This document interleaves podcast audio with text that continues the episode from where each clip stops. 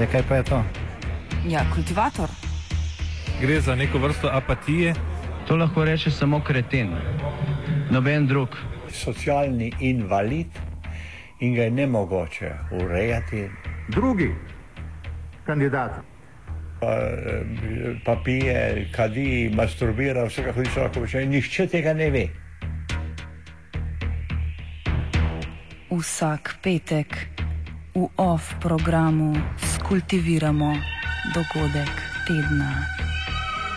Lahko po kriterijih radio študent, težko pa po evropskih kriterijih. Ampak na drug način, kot vi to mislite. Kultivator vedno užge. Da pač nekdo sploh omenja probleme, ki so, in da pravzaprav sploh nekdo sproži dogajanje uh, v družbi. To drži, drži.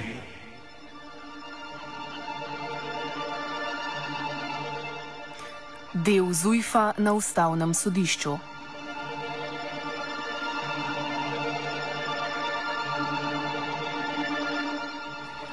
Včeraj je začel veljati zakon o uravnoteženju javnih financ ali krajše ZUJF. Zakon je bil po usklajevanju med socialnimi partnerji v državnem zboru sprejet v začetku maja, kasneje pa je njegova veljava postala vprašljiva zaradi vložene referendumske pobude strani obeh policijskih sindikatov. Po slabih dveh tednih so bili dogovori med sindikatoma in vlado doseženi, pri čemer vsebina konsenza ni vplivala na ZUJF. Zakon je torej v veljavi in junijske plače za javne uslužbence bodo tako že obračunane po novih pravilih. Seveda pa bodo začeli veljati tudi drugi ukrepi, ki jih zakon prinaša.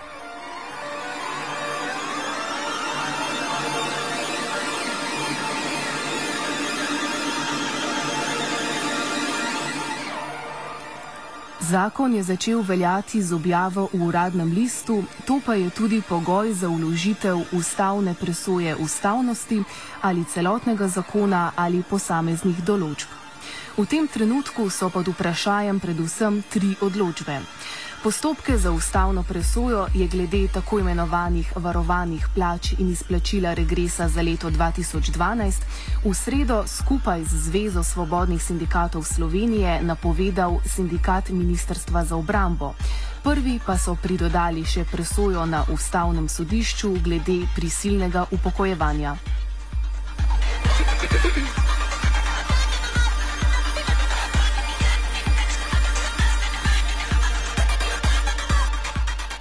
Začnimo z določbo zakona o uravnoteženosti javnih financ, ki ukinja institut varovanih plač.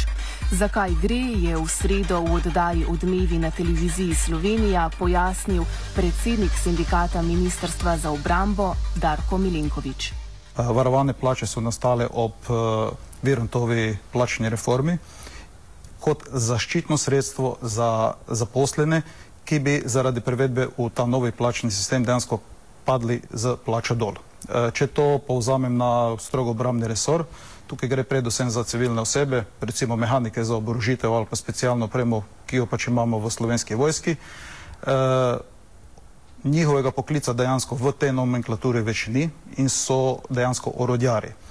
Če povzamem, danes so oni še vedno razporejeni v 17, osnovni 17. plačni razred, če bo pa varovana plača ukinjena, bodo pahnjeni v 14. plačni razred.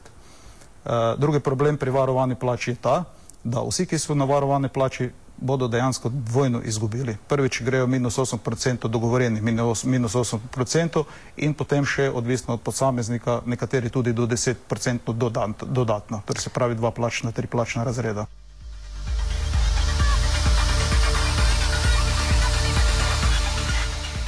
Ministr za finance Janez Šuštršič je glede ukinitev varovanih plač sicer povedal, da je pobuda o tem prišla strani sindikatov.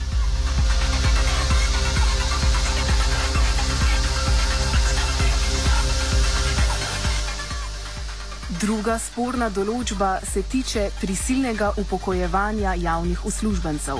V praksi to pomeni, da morajo vsi javni uslužbenci potem, ko izpolnejo pogoje za upokojitev, zapustiti svoje delovno mesto oziroma lahko še za največ dve leti po izpolnjenih pogojih, ukolikor z delodajalcem sklenajo pogodbo, opravljajo svoje delo.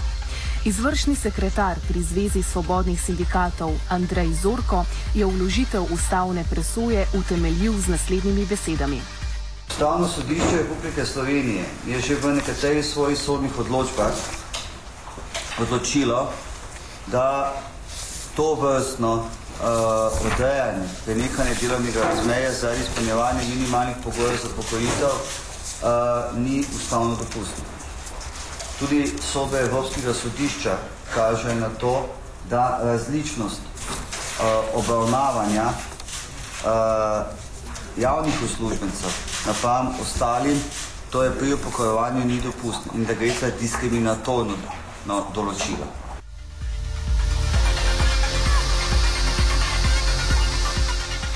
Rajko Pirnat iz pravne fakultete potrdi, da je bila prisilna upokojitev že večkrat na ustavnem sodišču, pri čemer so bile določbe zakonov, ki so jo predvidevale, vedno razveljavljene.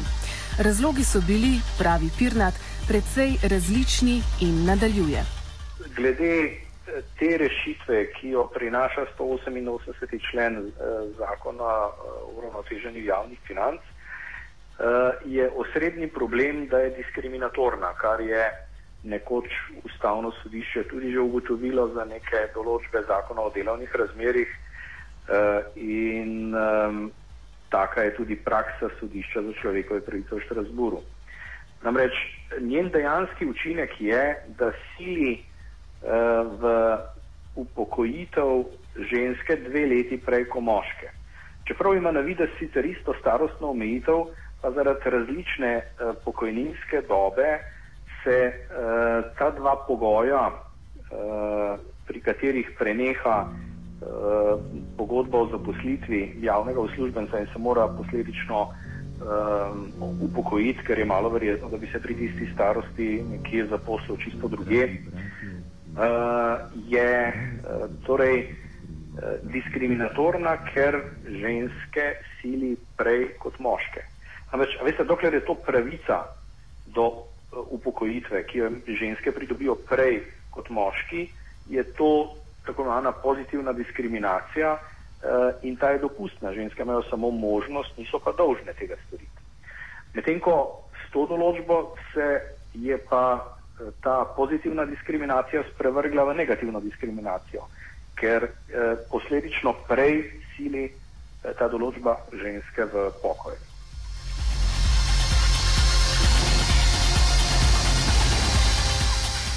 Po mnenju Pirnata pa obstaja še en razlog proti ustavnosti prisilnega upokojevanja in sicer je. V tem, kolikor se nanaša na univerzitetne učitelje in, in druge pedagoške delavce, namreč ustavno sodišče je že ugotovilo, da je določanje, eh, kdaj eh, preneha, um, kdaj preneha, uh, torej kdaj obvezno morajo univerzitetni učitelji prenehati učiti eh, stvar avtonomije univerze in v to ne sme zakonodajalec prisilno posegati.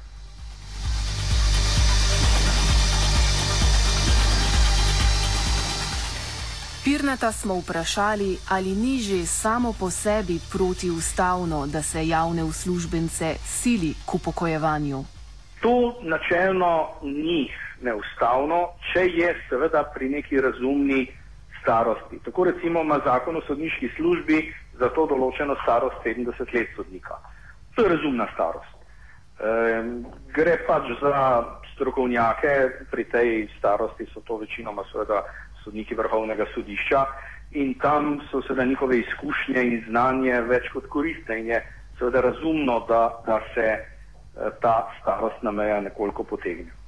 Res je hkrati tudi, da je Eh, ta v praksi bo zlasti prizadel, prizadela ta določba seveda visoko izobražene ljudi, ki uh, delajo na delovnih mestih, ki seveda pa dopuščajo da uh, delajo tudi še uh, pri višji starosti, ker pridejo do izraza njihove bogate izkušnje.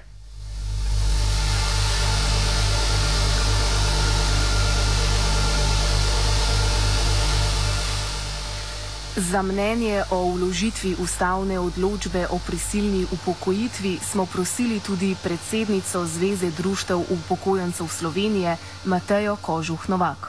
Ja, država je v hudi stiski, to verjamem. Ne? Samo eh, javni sektor so vse te zelo občutljiva eh, področja, eh, ki so važna za razvoj države in zaradi tega eh, kakršnokoli prisilno upokojevanje v času, ko po drugi strani razmišljamo, da morajo ljudje dlje delati, ni dobro.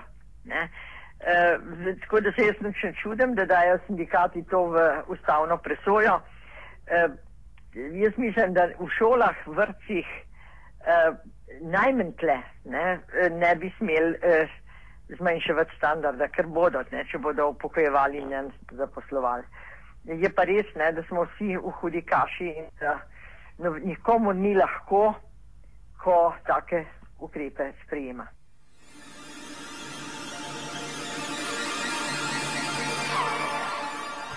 Kožuf Novakova pa vidi položaj kot dokaj zapleten in pravi, da po drugi strani. Mladi pa morajo službo dobiti. Samo država eh, bi morala eh, že vsaj deset let, če ne več, razmišljati o tem, da raste število starejših ljudi eh, in bi morala razmišljati, kako starejše delavce obdržati čim dlje na delu in hkrati nuditi mladim možnost zaposlitve. Ne. To pa je tisto, kar dobrega prinaša upokojevanje, ne, da bodo seveda mladi dobili eh, delo. Po drugi strani je pa vprašanje, kaj, ali bo to zdržala pokojninska blagajna. Skratka, problem je izjemno zapleten. Ne. Eh, seveda sem pa vesela za vse študente oziroma eh, diplomante, ki bodo službo dobili. Čeprav oni trdijo, da bodo upokojevali tako, da ne bodo nobenega novega zapustili.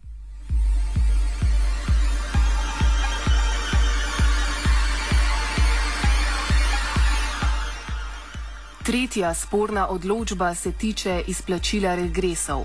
Sekretar pri sindikatu delavcev v vzgoji, izobraževanju in raziskovalni dejavnosti Slovenije Bojan Hribar je povdaril, da pri usklajevanju med socialnimi partnerji in vlado ni bil dosežen dogovor o izplačilu regresa za leto 2012. Tako same vlagatelje ustavne presoje ne zavezuje podpis konsenza. Hribar nadalje spomni, da je bil nekaterim javnim zavodom regres že izplačan. Podrobneje Hribar. Še preden je eh, ta zakon stopil v veljavo eh, in pred zapadlostjo pravice, je Ministrstvo eh, za izobraževanje, znanost, kulturo in šport poslalo vsem javnim zavodom z področja izobraževanja, kulture, znanosti in športa v krožnico, v katerih jih je pozvalo, da naj z izplačilom regresa počakajo na uveljavitev zakona o uravnoteženju javnih financ. In zato, ker je temu bilo tako, so regres izplačali samo v zavodih v nekaterih občinah, ki se na ta priporočila, ki so brez zakonske podlage, niso ozirali, ostalim pa še ne. No, eh, kot primer bi izvedel tudi recimo, da so nekateri, nekateri občini celo hoteli izplačati, pa jim je bilo to preprečeno. Ne? Eh, v mislih imam mestno občino Ljubljana, eh, kjer so eh, seveda na Ministrstvo za finance poslali večkratni poziv za dvig, bokla, dvig blokade iz sistema MFRAC, s, katerim, s, katero, s katero blokado so preprečili samo plačilo, izvedbo izplačila regresa za letni dopust za leto 2012.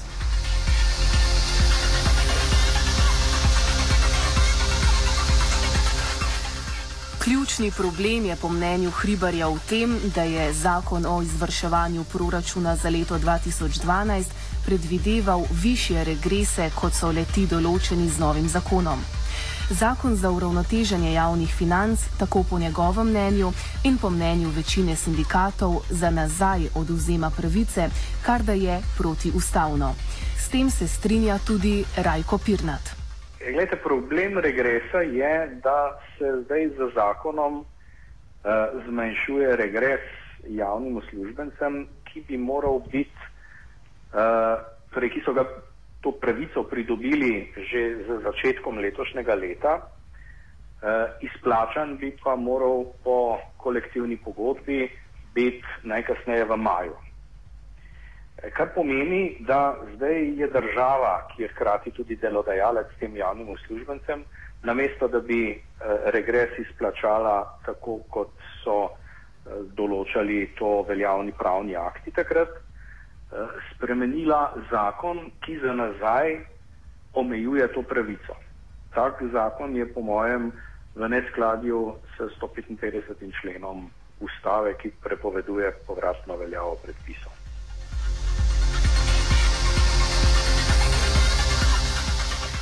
Sindikati predlagajo tudi, da ustavno sodišče zadrži izvajanje spornih določb. Ustavni sodniki se lahko za zadržanje odločijo, če nastanejo protiustavne in hkrati nepopravljive posledice. Janez Šuštršič meni, da v teh primerih do nepopravljivih posledic ne bi prišlo. Sindikati so drugačnega mnenja. Andrej Zorko. Treba vedeti namreč, da Zakoliko ne bi bilo predloga za, za, za začasno zadržanje eh, tega, uporabe tega določila, bi lahko ljudje torej dobili sklepe o prenehanju delovnega razmerja, se upokojili seveda z vsemi negativnimi posledicami, torej, ki temu tudi sledijo in ki vplivajo predvsem na višino pokojnine. Čez leto, dve ali pa morda kasneje, pa bi ustavno sodišče recimo odločilo, da je takšna določba uh, zakona v nasprotju z ustavo. Posledica, ki bi nastala zaradi tega, je seveda nepopravljiva.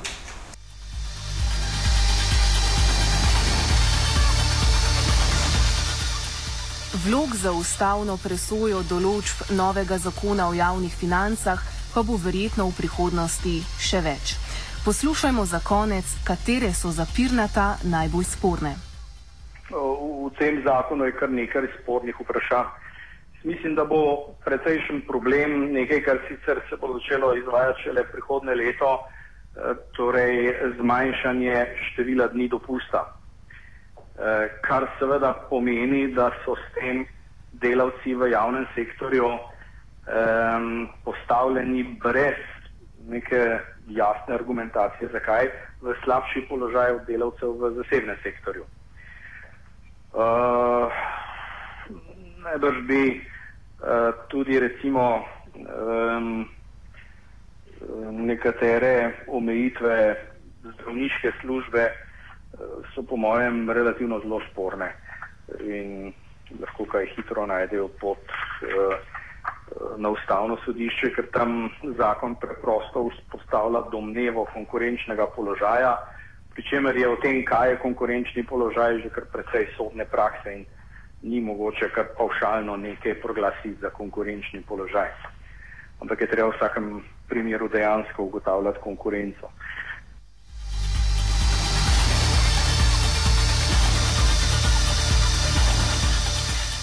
Kultivator je pripravil Gregor Kuhar.